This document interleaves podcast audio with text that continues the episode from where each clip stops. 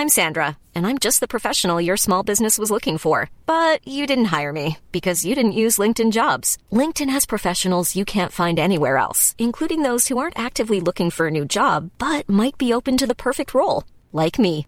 In a given month, over 70% of LinkedIn users don't visit other leading job sites. So if you're not looking on LinkedIn, you'll miss out on great candidates like Sandra. Start hiring professionals like a professional. Post your free job on linkedin.com/people today.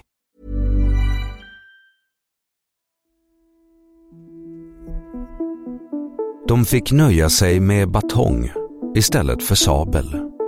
Och en del av dem fick sy sina uniformskjolar själva.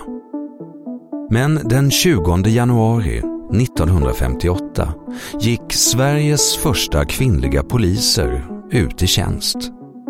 Du lyssnar på Idag för ett tag sedan, en produktion av Novel Studios.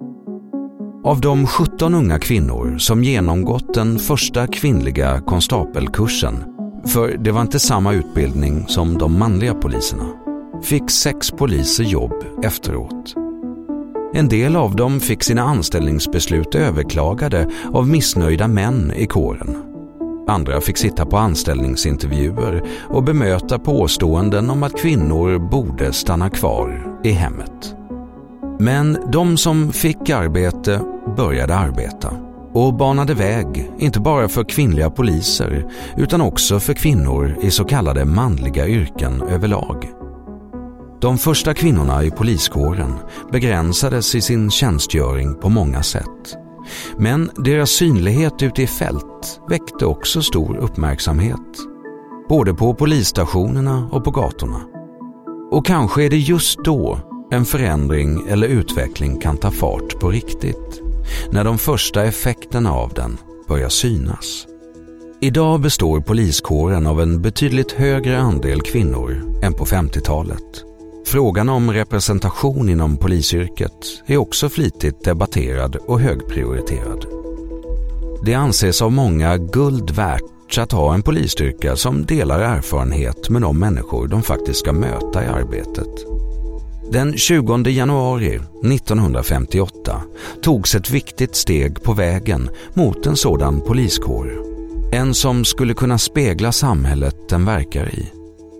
Under tiden som gått sedan de första kvinnliga poliserna klev ut i yrkeslivet har samhällsklimatet hårdnat. Lyckligtvis har dagens kvinnliga poliser tillgång till samma utrustning som sina manliga kollegor. Men precis som alla yrken som rör socialt arbete väger polisyrket tungt i samhället. Det är tungt att orka med och det är viktigt att det finns de som gör det. Så tack ni kvinnliga poliser som orkade kämpa igenom både glastak och glasväggar under andra hälften av 1900-talet. Och tack ni som fortsätter på den inslagna vägen. Ni gör skillnad. Tack för att du har lyssnat på Idag för ett tag sedan som publiceras måndag till söndag.